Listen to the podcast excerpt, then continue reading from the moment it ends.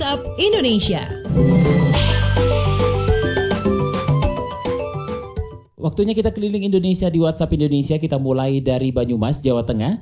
Gunakan kalender Aboge Kejawen Banyumas rayakan Idul Fitri pada hari ini. Selengkapnya dilaporkan kontributor KBR Muhammad Ridlo. Selamat pagi. Ya, selamat pagi. Penganut Kejawen dan pelestari adat di Kabupaten Banyumas, Jawa Tengah baru akan merayakan Lebaran Idul Fitri hari ini, Senin 25 Mei 2020 atau selang sehari setelah ketetapan pemerintah. Juru bicara komunitas adat Banokeling Desa Pekuncen, Kecamatan Jatilawang, Kabupaten Banyumas, Sumitro menjelaskan, anak cucu Banokeling telah lama menggunakan kalender Aboge. Dengan perhitungan yang pasti ini, kapan tibanya hari besar sudah bisa ditentukan jauh-jauh hari. Bahkan dengan perhitungan Aboge, hari besar puluhan tahun mendatang pun sudah bisa diketahui. Menurut Sumitro, lantaran tahun ini tahun babu, maka lebaran tiba pada hari pertama pasaran kedua, yakni Senin Manis ini. Demikian saya Muhammad Ridho melaporkan untuk KBR. Selanjutnya kita menuju Jawa Timur untuk mengetahui informasi soal perayaan Hari Raya Idul Fitri di sana. Kita simak kontributor KBR ada Budi Prasetyo. Selamat pagi. Selamat pagi. Suasana Hari Raya Idul Fitri 1441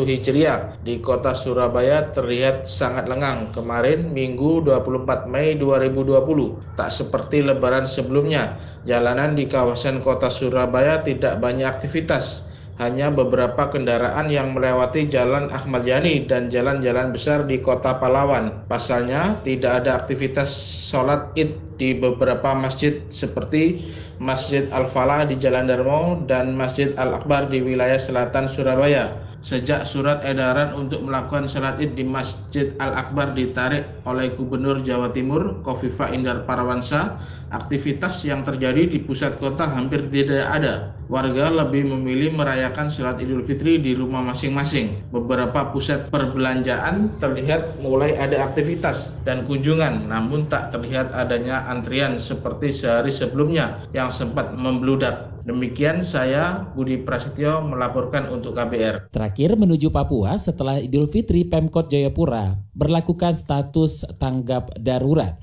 Kita simak kontributor KBR Arjuna Pademe. Selamat pagi. Selamat pagi. Pemerintah kota atau Pemkot Jayapura Papua akan memperlakukan status tanggap darurat penanganan COVID-19 di wilayah itu setelah perayaan Idul Fitri atau pada 1 Juni 2020. Wali Kota Jayapura Ben Hur Tomimano mengatakan, setelah empat kali memperpanjang status siaga darurat, pemerintah kota Jayapura bersama musyawarah pimpinan daerah atau muspida setempat memutuskan meningkatkan status siaga darurat COVID-19 di wilayah itu menjadi tanggap darurat. Status tanggap darurat penanganan COVID-19 di kota Jayapura akan diberlakukan selama 14 hari. Selama pemberlakuan status tanggap darurat, Pemkot Jayapura tetap menerapkan pembatasan aktivitas warga di luar rumah, yakni mulai jam 6 waktu Indonesia Timur hingga jam 14 waktu Indonesia Timur. Menurut Wali Kota Jayapura, keputusan meningkatkan status siaga darurat menjadi tanggap darurat diambil setelah ada kajian dari tim kesehatan dan Satgas Penanganan COVID-19 Kota Jayapura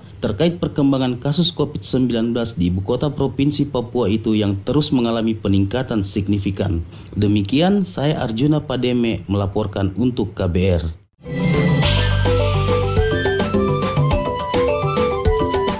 WhatsApp Indonesia.